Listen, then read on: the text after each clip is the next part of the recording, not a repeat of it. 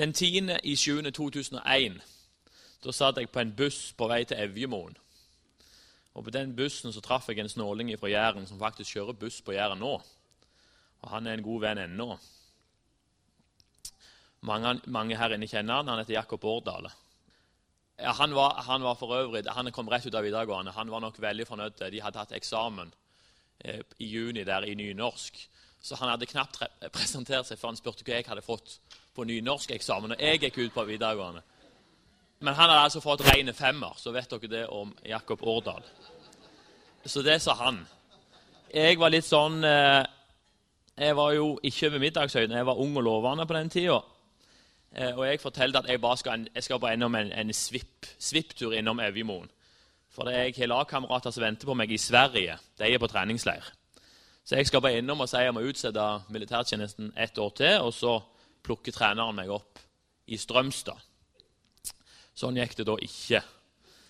Jeg endte opp med å tjene fedrelandet et helt år. Og Fredrikstad de, ja, de begynte på ferden mot Tippeligaen uten meg. Så det var jo en skuffelse. Men de som har vært i militæret, de vet at en ikke har tid å være skuffa lenge i militæret.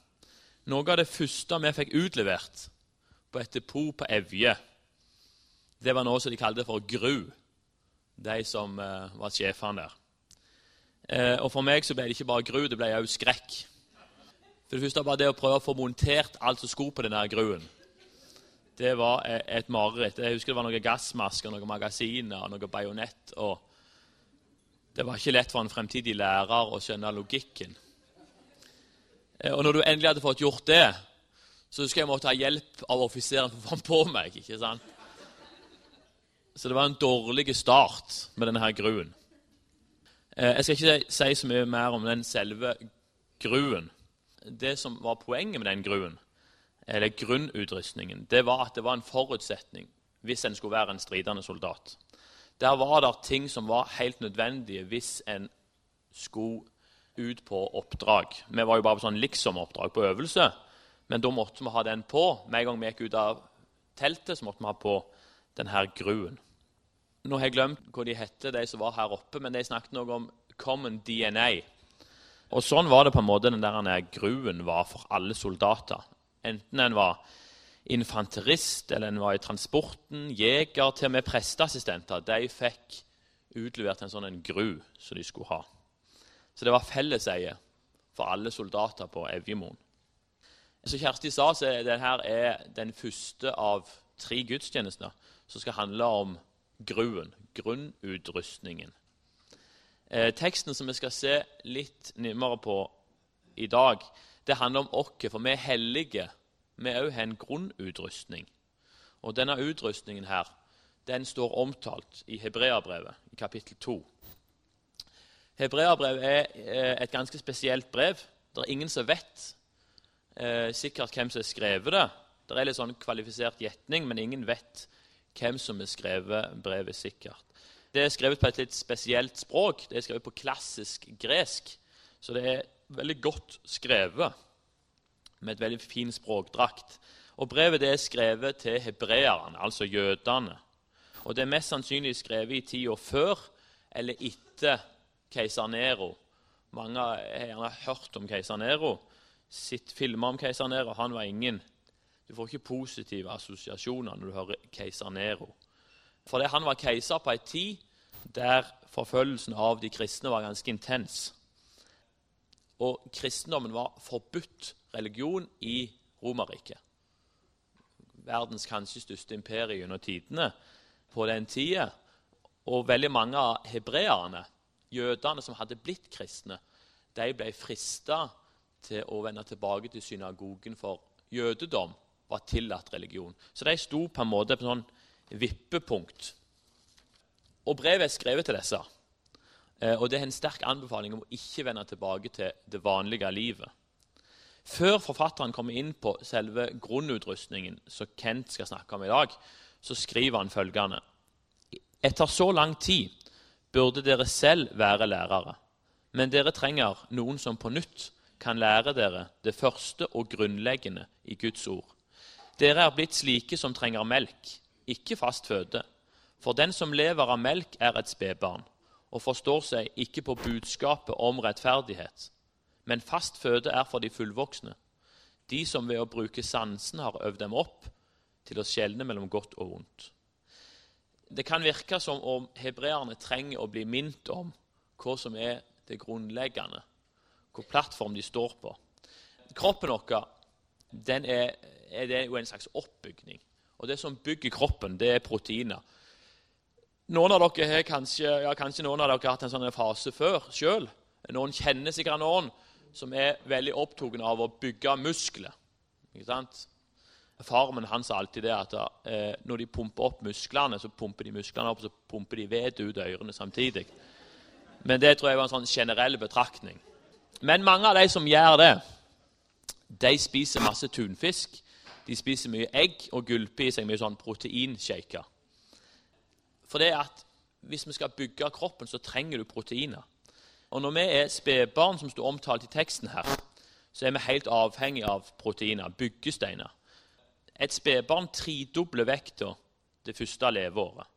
Så hvis vi skal en, en, dag være i stand til å spise biff, salat, ikke minst sjokolade, så må vi ha i oss mye proteiner. Det er noe som må bygges opp først. Det må klargjøres et system for å motta det som skal komme. Morsmelka vi får i starten av livet, dekker alle våre behov. Den er sånn, morsmelk er sånn spesialdesigna. Det er akkurat de proteinene vi trenger, med akkurat den mengden vi trenger. Det er kanskje derfor veldig mange er opptatt av det her amminga. Særlig når det er første ungen. Da er de veldig opptatt av den amminga. Fjerde ungen, da er du knapt kommet hjem av fødeavdelingen før vi er over på morsmelkerstatning. Eh, men den er bra, den òg. Den er veldig bra, den òg morsmelkerstatningen. Poenget er at begge deler inneholder proteiner, og det trenger vi. Før en unge kan begynne å lese, så må han lære seg bokstavene. Hvis du går rett på fredag Arne Garborg, før du har lært bokstavene, så mister du motet.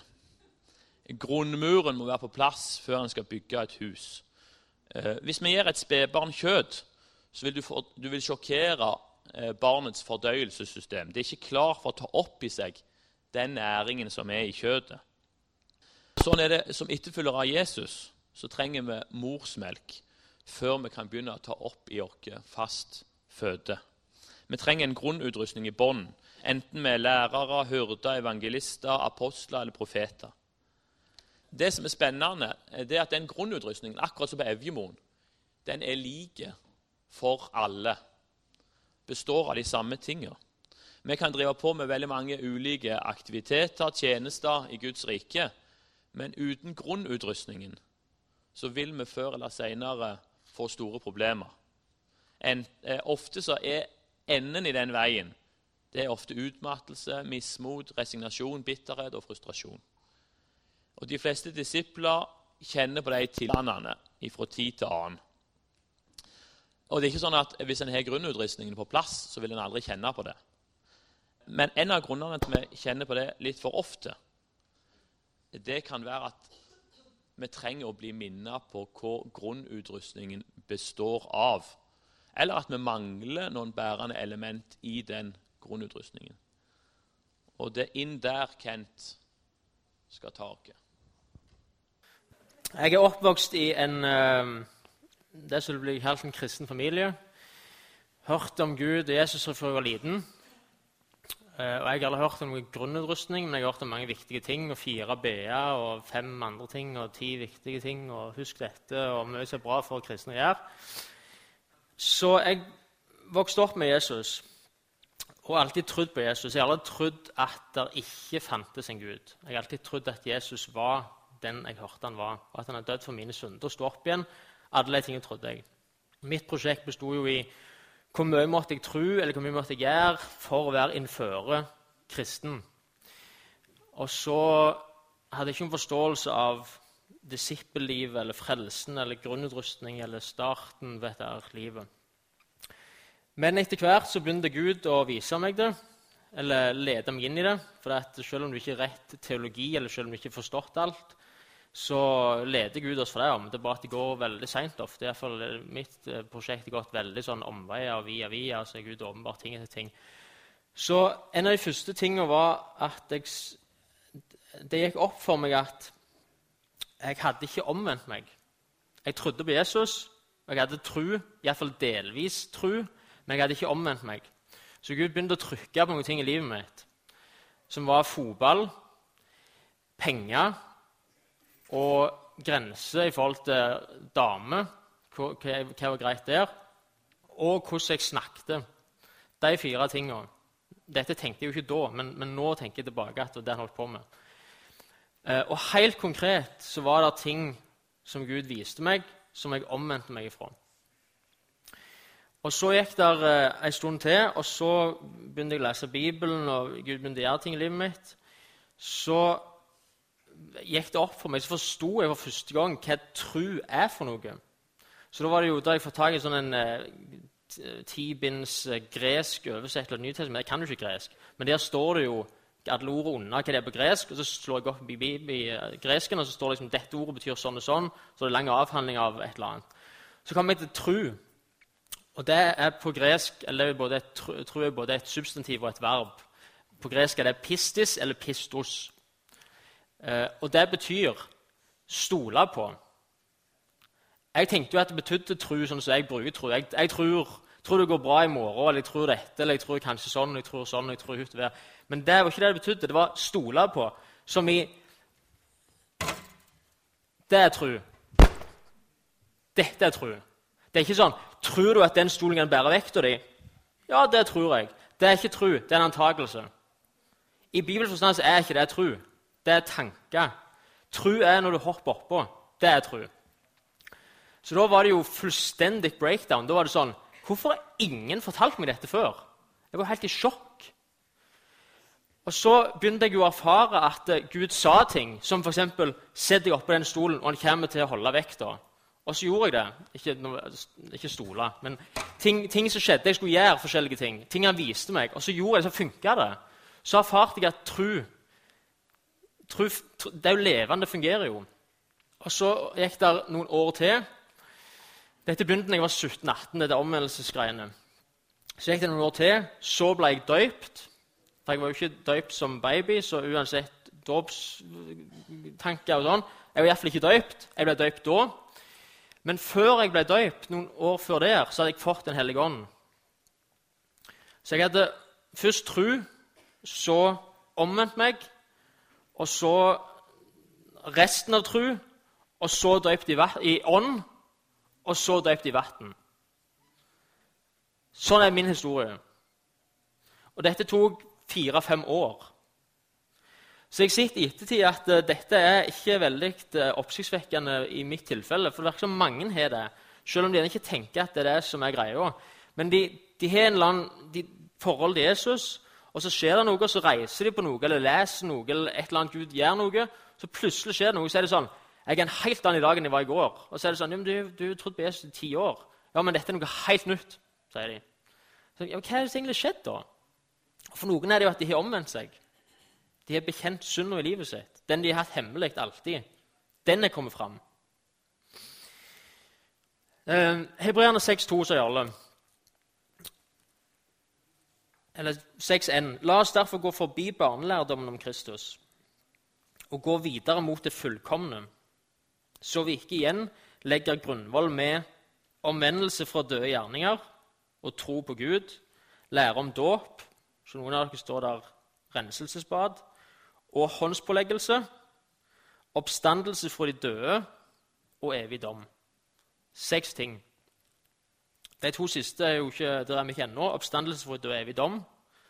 Det har jo ikke skjedd ennå, men lære om det er en del av barnelærdommen om Kristus.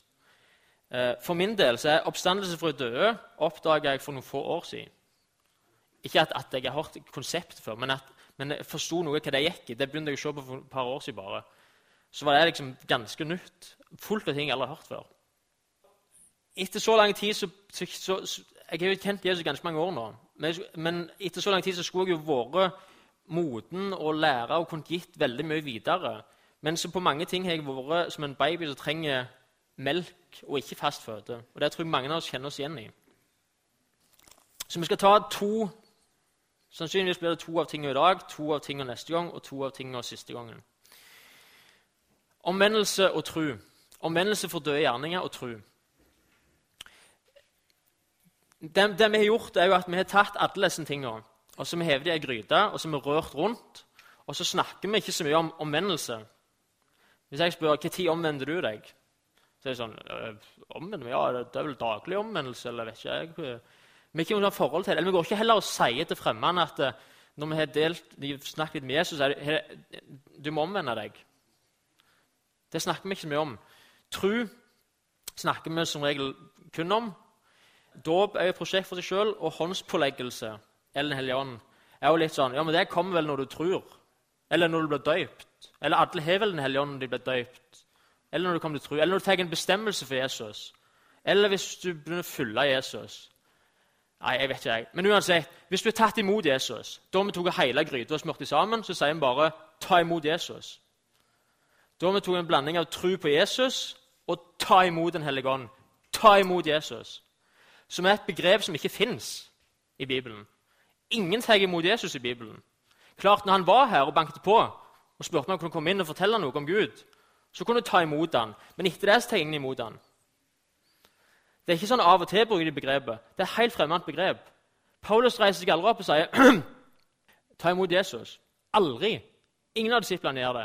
Det er helt fremmed tankegang. Brevet handler ikke om husk når dere tok imot Jesus. Helt fremmed begrep. Helt fremmed begrep i kirkehistorien. Ingenting mot Jesus i kirkehistorien. Ikke første etter Jesus. ikke langt utpå. Det er et helt nytt fenomen. Så begynner det sånn, for jeg vet ikke hvor lenge siden, Det er vårt århundre. Eller forrige århundre. vi har begynt på nytt nå. Det er ikke lenge siden dette begrepet kom opp. Ta imot Jesus. Men alle sier det. Absolutt alle, nesten. Og hvis du spør hva betyr ta imot Jesus, så får du like mange svar som det finnes folk, nesten. Nei, det er, det er å bli kristen. Hva er bli kristen, da? Nei, det er det følge Jesus? Hva det betyr da? Nei, tro på Han. Bare det? Ja. Og omvende deg. Eller det er en del av du tror. Og, og du må bli døypt og overgitt. Og være med i et fellesskap og be. be ja. Bibelbønn, fellesskap, brødsbrytelse. Da er du kristen. Da er du, du tatt imot Jesus. eller da er du blitt så Hvis du skal hjelpe folk inn i dette, så er det veldig vanskelig. Hva er det folk egentlig skal gjøre? Hvordan blir folk født på ny? Hvordan blir folk disipler av Jesus? Da, må, jeg tror det er viktig med fellesskap, i hvert fall, og viktig med bønn. og Så vet vi ikke helt hvordan det fungerer. Jeg har rota rundt i det her i mange år. Prøvd alle forskjellige varianter. Plutselig en ny oppdagelse.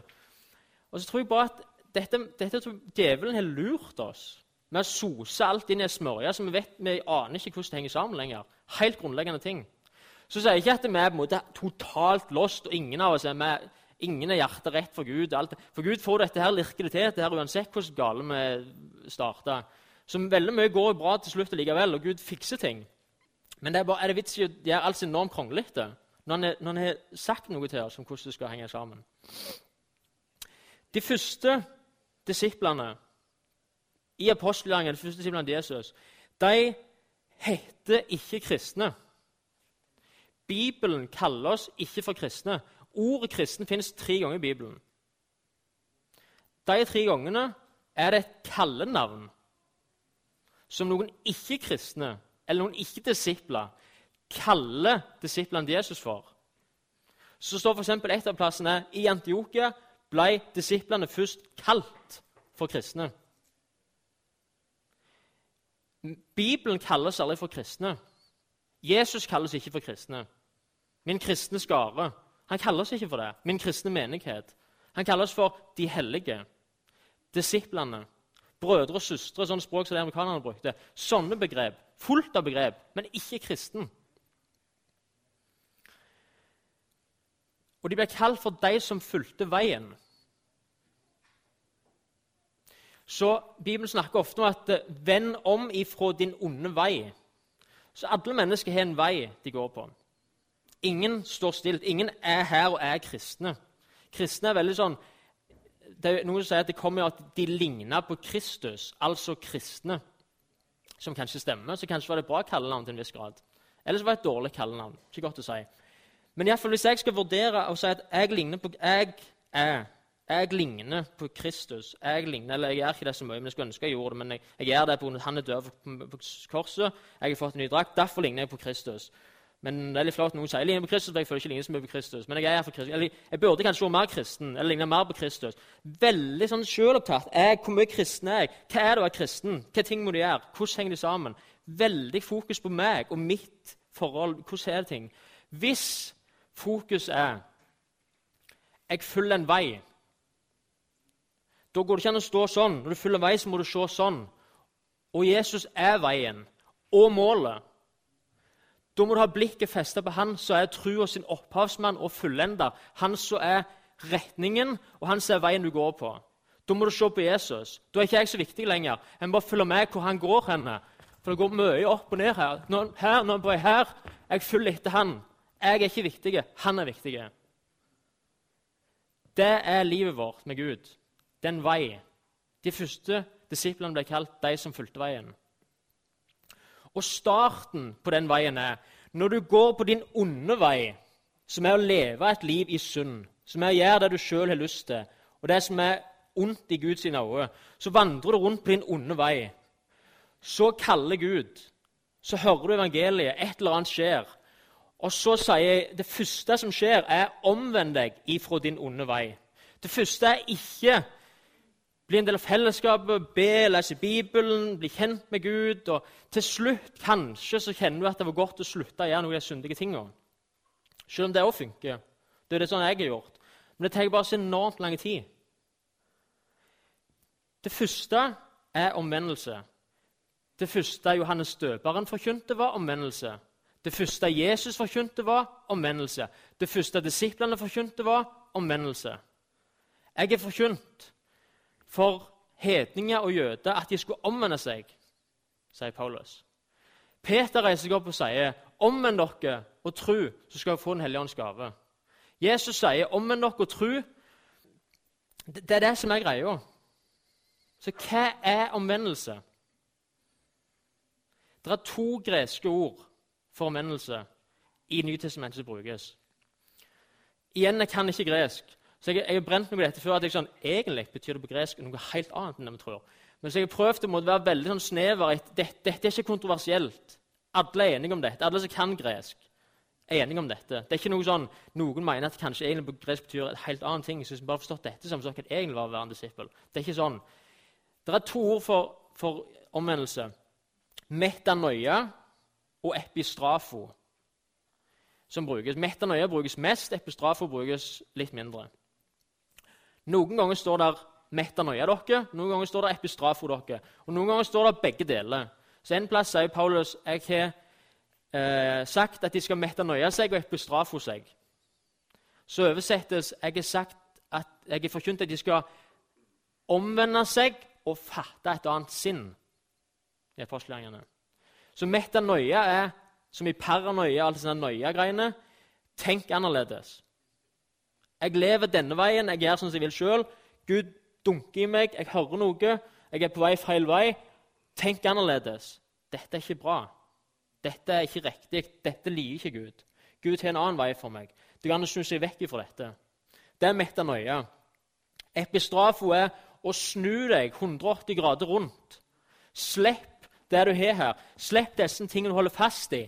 Alle disse tingene som låser seg fast i det gamle livet. Slipp det. Snu deg helt rundt. Det er omvendelsen. Tenk annerledes, gjør annerledes. Det er det første. Det er starten. Det er det første skrittet. Det er den første tingen i grunnutrustningen. Første tingen i, grunn, eh, i grunnpakken, i startpakken, i grunnfjellet, grunnvollen. Omvendelse. Som kom langt ut i min historie, og som gjør det ikke veldig mange. Og Der må vi hjelpe folk til å starte. Helt praktisk. Det er ikke å si be for noen som kjenner ja, jeg kjenner nå at Gud er nær, og jeg, nå vil jeg ta imot Han. Sånn, Nå har du omvendt deg, nå har du tatt imot Han, nå har du trodd på Han. Nå er alt, alt, alt klart. Resten av livet handler bare om å forstå hva du har fått. Nei, på ingen måte. La dem få ta den tida det tar. La de få holde fast i den ting de holder fast i. Og så la de få vurdere om de vil slippe det eller ikke. Vil de omvende seg? Og hjelp de til å gjøre det.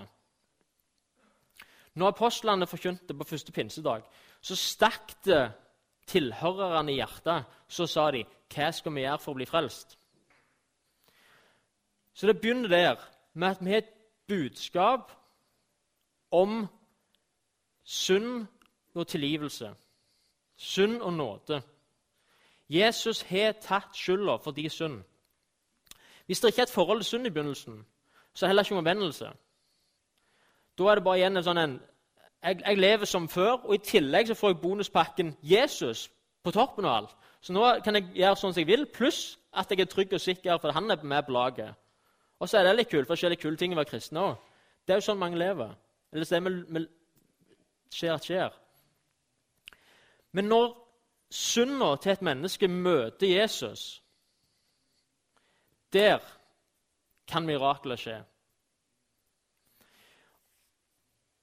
Og mange av oss, eller ikke mange av oss, det, jeg tror mange av oss, det er ganske lang tid før det egentlig kom fram. Vi kan omvende oss fra disse 99 syndene som vi vet ikke er riktig når Gud begynner noe. Men den siste får du ikke. For det er for vanskelig for meg å slippe, og det er for flaut å bekjenne. Og det er for skambelagt til å komme fram i lyset. Så jeg kan være en prektig, god kristen på alle måter, men jeg holder noe skjult. Og der skulle det starte. Når Jesus treffer den rike unge mannen som vil arve evig liv, og spør hva skal jeg gjøre for å arve evig liv Du har budet, du vet hva du skal gjøre. Men jeg har gjort alt dette. Jeg har ikke hatt andre guder enn deg. Jeg har ikke misbrukt Guds navn. Jeg har æra mor for. Jeg har gjort alle disse tingene. Selg alt du har, og gi til de fattige. Da snur han seg og går bedrøvet vekk, for han var veldig rik. Og Jesus står igjen og ser på han med smerte i blikket. Sorg i hjertet. Hvor mange av oss hadde ikke sprunget etter han og sagt Vent litt. Eh, kanskje ikke selg alt, men begynn med halvparten. Eller kanskje ikke selge, men kanskje ikke selge. Ikke heng deg opp i det. Det kommer etter hvert. Bare bli kjent med Gud, hvor god Gud er.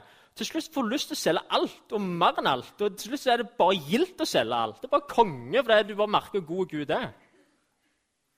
Det er jo det med Og så vet man det er et eller annet som skurrer en plass, men hva skal vi gjøre?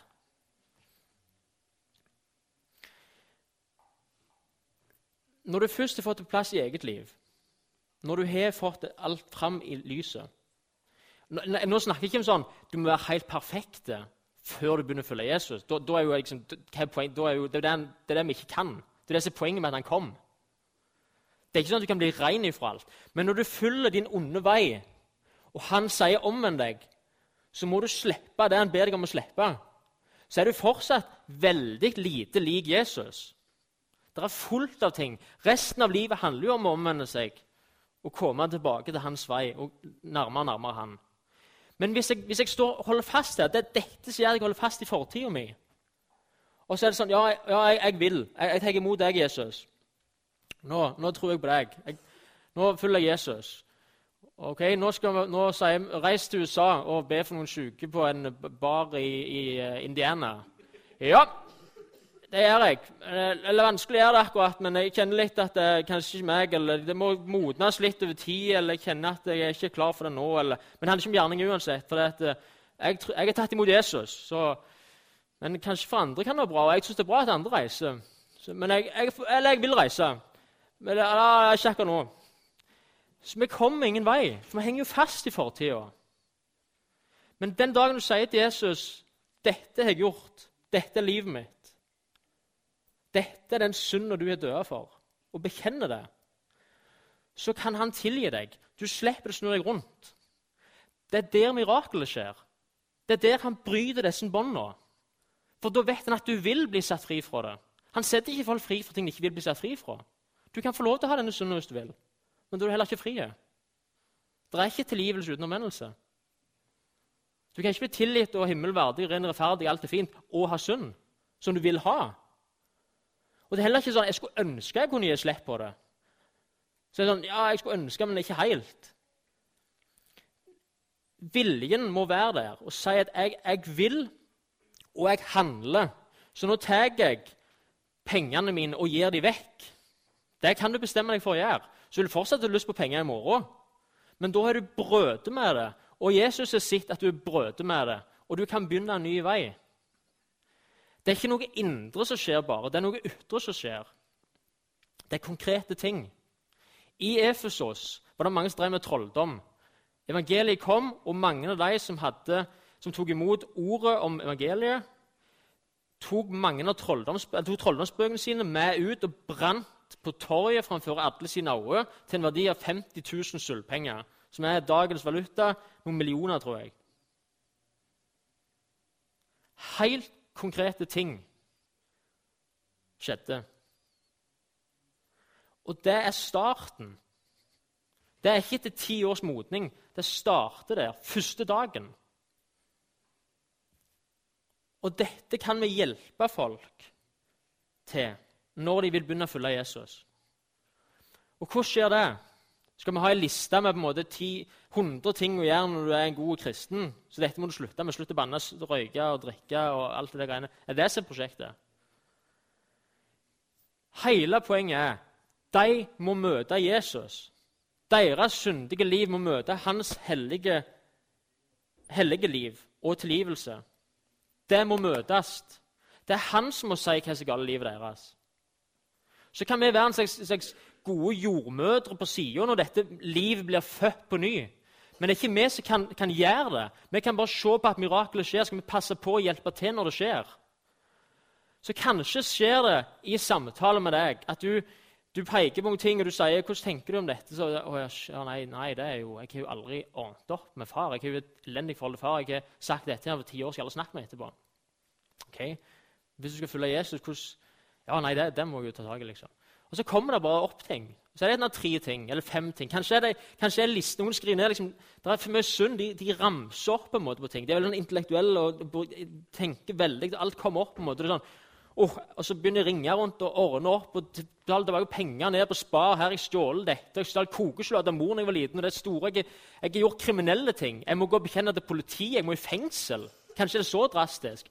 Kanskje våkner jeg en natt av en drøm, og Gud sier der, det, dette er det. Så vet de det er akkurat dette som er greia. Mange forskjellige måter det skjer på, men det må skje. Og vi kan hjelpe folk til å omvende seg.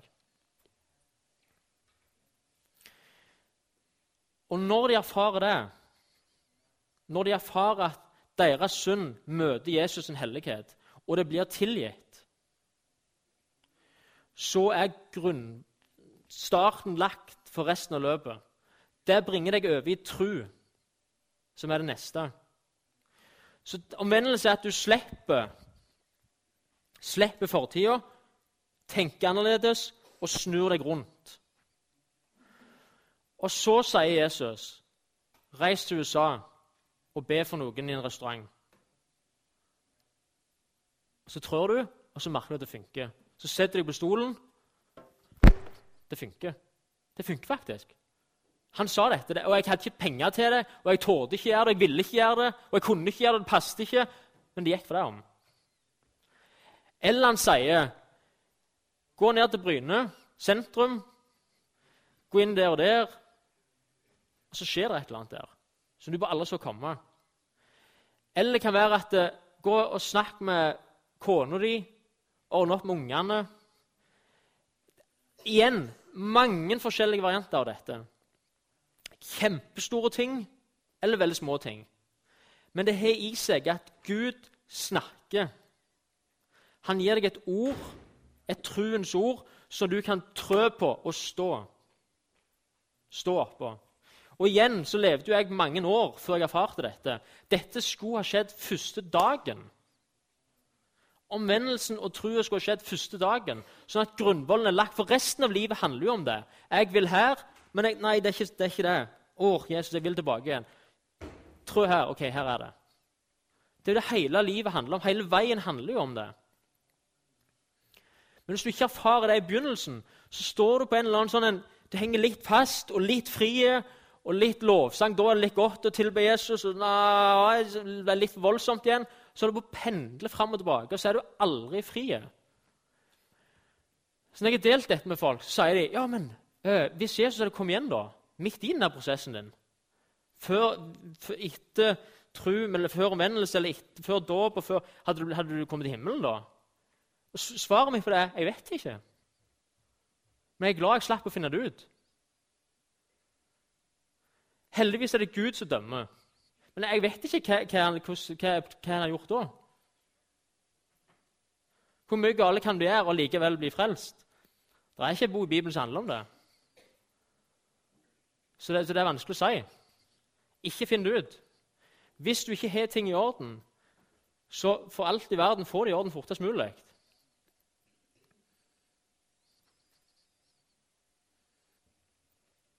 Enormt mye av det vi opplever som tungt Når folk sier at det er tungt å være kristen, det er vanskelig å tro Eller åh, det er vanskelig med all synd, og jeg liksom ikke, jeg føler jeg drukner i synd, og jeg klarer ikke, jeg vil ikke og, og det, det, er vanskelig, og det er vanskelig å, å på en måte, Hvordan skal vi få folk til å, til å bli disipler av Jesus? Det er sånn, Jeg har drukket kaffe med dem i ti år, og de gjorde meg husørk og etna, det er ikke kjempemange gode ting, men liksom Jeg skulle ønske jeg hadde det jeg hadde, eller det han hadde. Det, det, liksom, hva, hvorfor skjer det ikke noe? Det er, liksom, det er jo noe på gang her, men det er liksom ah, kommer en land fra et annet land, eller vi leser noe, så er det sånn bang! Der smalt det skikkelig. Så er de på en måte helt et annet menneske på en dag. Så leser vi Bibelen om dette, så er det sånn på den dagen ble det 3000 lagt til på en dag, og de bare slutta og brant opp ting. og De begynte dette, og de fulgte meningen ble forfulgt, og de ble drept for trua. Liksom, fra dag én. Sånn, hva er det som skjer? Mysteriet, det kompliserte, er ikke komplisert. Det kompliserte fikser Gud. Men det enkle er at folk må omvende seg. Det er hardt og krevende, men det er ikke komplisert. Det er ikke avansert. Det er veldig, veldig konkret. Så heller ha tålmodighet ikke si til folk Jeg, jeg har gjort det, jeg har brent meg til mange ganger, ikke mange ganger, en del ganger. Jeg har ledet folk mot Jesus, andre leder de mot Jesus. Jeg har vært med på det litt. Og så har jeg sagt sånn ja, Nei, du, du må I begynnelsen sa jeg sånne ting, katastrofale ting som at nei, eh, eneste forskjell på meg og deg er at jeg tror, og du tror ikke. Så er det sånn Det er sikkert det er sikkert er det som iallfall ikke er forskjell på oss. Det kan godt være at de, de tror på Jesus, de òg. Djevelen tror på Jesus. Han tror Jesus er Guds sønn. Demonene tror det. Altså, det, det, det, er, det, er, ikke det som er forskjellen vår. iallfall. Forskjellen er at Jesus har fått begynt å gjøre noe i livet mitt. Jeg er blitt tilgitt synda mi. Jeg er nå fri. Jeg har omvendt meg på fortida. Jeg går nå på den nye veien. Gud snakker til meg, og jeg kan handle på det. Det er forskjellen. Det når du forteller den historien, så er det konkrete ting det går på. Så når Gud begynte å trykke på omvendelse, eller de tingene jeg trengte omvending på, så var ikke det en sånn, det skjedde ikke her inne. Etter vi hadde god lovsang, og så sånn, de som ville omvende seg, kom fram, så kom jeg fram og grein av tårer og bød meg ned, kanskje, og noen ba for meg, og så hadde jeg omvendt meg. Det var ikke der det skjedde. Gud kan røre med deg der, men omvendelsen skjer som regel ikke der. Omvendelsen skjedde når ei jente ringte til meg som hadde det vanskelig, som jeg hadde snakket med før, og trengte å snakke. Dette var lenge før jeg var gift, for mange år siden. Så spør hun om hun snakke, og så sier jeg åh, United Jeg var veldig glad i fotball. Spiller semifinalen i Champions League om et kvarter. Så helst ikke i kveld. Hun forståelsesfull, selvfølgelig. Ja, nei, nei, nei, greit, er greit, liksom. Så merker jeg på henne at det, det, var ikke veldig greit. Hun hadde stor forståelse for meg, men hun hadde det ikke godt. Og så sier Gud hva er så viktigst? Jeg, jeg kommer. Jeg kommer. Nei, nei, nei, du må ikke kampen. Nei, nei, jeg, jeg kommer. Jeg kommer. Vi treffes på Bryne klokka, klokka ni. Så reiste jeg ned. Der hadde jeg omvendt meg for fotballen. Så er det ting etterpå. Men da hadde jeg bevis for meg sjøl og for Gud at fotball er ikke så viktig som Jesus. Hans tanker er viktigere enn om jeg får oppfylt mitt ønske om å se det jeg syns er kjekt å se på. Der var omvendelsen. Etter det så var jeg fri fra det. Så måtte jeg gjøre en vurdering av hvor mye plass skulle fotball ha. og hva er bra. Kjempebra å være engasjert i fotball, treffe folk, og det var jeg. og mye, Alt det er greit. Men det var ikke viktigst lenger. Det kunne jeg ofre. Penger er akkurat det samme. Helt konkrete ting som Gud peker på. Og der er dynamitten. Så når vi leder folk mot Jesus, vent. Ikke si Ikke, ikke bare liksom, når de har noen erfaringer av Jesus. Kanskje blir de helbredet i en fot. Kanskje kjenner de er her inne at det Gud rører med dem i lovsangen. Kanskje kjenner de at oh, ja, nei, jeg, òg skulle ønske jeg hadde det som dere hadde. Kanskje er de med i fellesskapet litt, kanskje er de med, de er hjemme hos deg, og de leser Bibelen og de ber. og de, de, de, er med på ting, de ser ting skje. Ikke bli frista til å si oh, 'Skulle ikke du tatt imot Jesus?' Jo. Ok, Da ber vi om det. Ja, Jesus, takk for at du døde for meg ved syndene på korset. Takk for det. og Jeg vil følge deg. og Så kan du be litt, så ber jeg litt, så ber vi i lag. og Sånn ber vi at du må bli fullt av, av ånd og kraft og tilgivelse og kjærlighet. At du bare må forstå at du må Sånn. Nå har du fått alt. Så det er som de har fått en vaksine. Så når, så når Gud begynner å pirke i ting, så har de en måte sånn Ja, men jeg har jo, jeg, jeg har jo fått Jeg er jo jeg er jo kristen. Jeg har jo tatt imot deg, Jesus. Er det enda mer nå, plutselig? La de få lov til å stå her borte. La de få lov til å stå fast her. Ikke lur de til å late som at de ikke står fast. La de få lov til å stå fast i fortida. Og så fortell de heller om Guds rettferdighet, hellighet, tilgivelse, nåde, barmhjertighet, offer, korset, frihet, et nytt liv, oppstått med Han, håp i vente, fellesskap med Gud. Og så, når det stikker de i hjertet, og de lurer på ok, men hva gjør jeg da? Gå hjem og spør Jesus. Uh, ok. Ja, men liksom Skal jeg, jeg, jeg ikke, Det er ikke jeg som kan frelse deg. Du må spørre Jesus. Ja vel. Går de hjem, så ber de til Jesus. Hvis han fins, hvis det er han som er i stand til å frelse et menneske, tror du han er i stand til å snakke til den personen da? Eller er det sånn at de, de, de, Nei, dette kommer senere. De må ha vært kristne i ti år for jeg hører hans stemme. Det er ikke sånn det funker. På dag én, eller før dag én, så Gud er i stand til å snakke til et menneske. Han var i stand til å ta en terrorist sånn som Paulus, som forfulgte kristne strategisk fra by til by for å drepe dem. En så galen mann traff han på veien, slo han i bakken med et syn. Det er Gud i stand til å gjøre. Han kan fort slå noen i bakken i dag. Eller gir de en drøm. Det vi har med muslimene. Plutselig drømmer de om en eller annen person og i boka, og så går de og snakker med noen, og det er Jesus. Det er jo sånn det funker. Og det er jo sånn mange av oss har erfart det skjedd. Vi har erfart at Gud har grepet inn i livet vårt. Vi trenger ikke være en sånn mellommann som måtte forklare deg hvordan det er å være kristen. Sett dem i kontakt med Jesus. Spør Jesus. Så sier de, 'Ja, hvordan gjør jeg det, da?' Rop, rop til han. Rop 'Jesus'. Så hører han. Sier du, 'Hva skal jeg gjøre? Frels meg.' Han kommer til å svare. Av og til er det ikke så lett at folk blir helbredet. Når vi ber for syke, så er det ikke alltid de blir helbredet. Man ber og ber og ber. Noen ganger blir de helbredet med en gang. Noen ganger blir de ikke helbredet. Noen ganger dør de, blir aldri helbredet. Noen ganger blir de bare sånn det, det, skjer bare liksom uten at du ber nesten. Det er bare at de er i en eller annen plass, plutselig ble de helbredet. Så Hvordan funker dette greiene? Det er mange, mange forskjellige ting. Ikke godt si alt. Men når et menneske sier 'Herre, jeg er full av synd. Kan du tilgi meg?' 'Hva skal jeg gjøre for å følge deg?' Så svarer Jesus. Dette er ikke de kompliserte tingene der du må lure på hvordan det egentlig henger sammen. Han kommer til å svare på det spørsmålet hvis du er spør av et ærlig hjerte. Hvis det ikke er sånn 'Jeg har lyst til å henge fast her, men det er noe jeg kan få i bonus i tillegg.' Det er det ikke. Men når hjertet er truffet, og du spør Jesus, så svarer han. Det kan vi stole på. Vi trenger ikke være noen sånn mellommann på det. Så de kommer tilbake og sier Jesus sa dette, og jeg har gjort det. Jeg har ringt, jeg har snakket, jeg har levert tilbake, jeg har ordnet opp, jeg har bedt om tilgivelse. Jeg har gjort det jeg trengte å gjøre. Da har de omvendt seg. Og Da har de erfart fra dag én at Gud snakker. Og Da er neste ledd tru. Gud snakker, og jeg handler. Da har mye gjort. Der skjer miraklet. Så enkelt. Så lite komplisert Allikevel er det så sjelden at det er akkurat de tingene vi hjelper folk til å gjøre. På denne lista er det tingene som blir nevnt her. Ingenting om bønn, ingenting om Bibelen, ingenting om fellesskapet, ingenting om brødsbrytelsen. Alle fire bena er vekke. Det er ikke en del av grunnvollen. Og fullt av andre ting som er viktig i Bibelen. Ingenting er nevnt der om dette.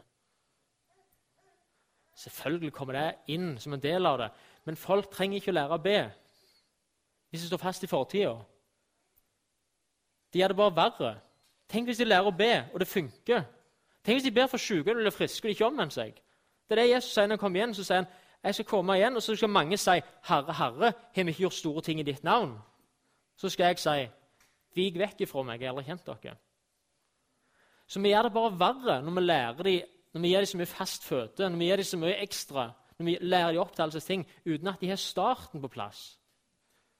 Hjelp dem til å få starten på plass. Og Nå er de, vi borti de to første tingene, omvendelse og tro.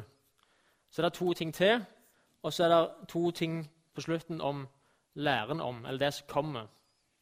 Det som ennå ikke skjedd, det som vi ikke lever ennå. Så det blir de neste gangene. Hvis du ikke har ting i orden, hvis det er noe du vet at du ikke har i orden for egen del, så få, få det i orden fortest mulig. Og når du treffer arbeidskollegaer, naboer, så hjelp de til å omvende seg. Forkynn evangeliet, finn ut hva det er, forkynn det inn i deres liv, og gjerne bruk et eget eksempel. Jeg var fanga i penger. Det har jeg omvendt meg fra. Gud har tilgitt meg. Fortell historien din, sånn at de ser hva det vil si at synd møter en hellig Gud, og det blir ordnet opp i, og frihet og et helt nytt liv. Når det bobler ut om mitt liv, så vil folk bare connecte automatisk. De vil bare merke oi, dette er jo ekte. Og så kan det treffe ting i deres liv. Fortell hvem Jesus er, hva han har gjort. Fortell hvordan det henger sammen. Og når det skjer et eller annet, så vær tålmodige og vent. Og la de få lov til å omvende seg først. La det være den første tingen. Første dagen. Og så rett over et liv i tro.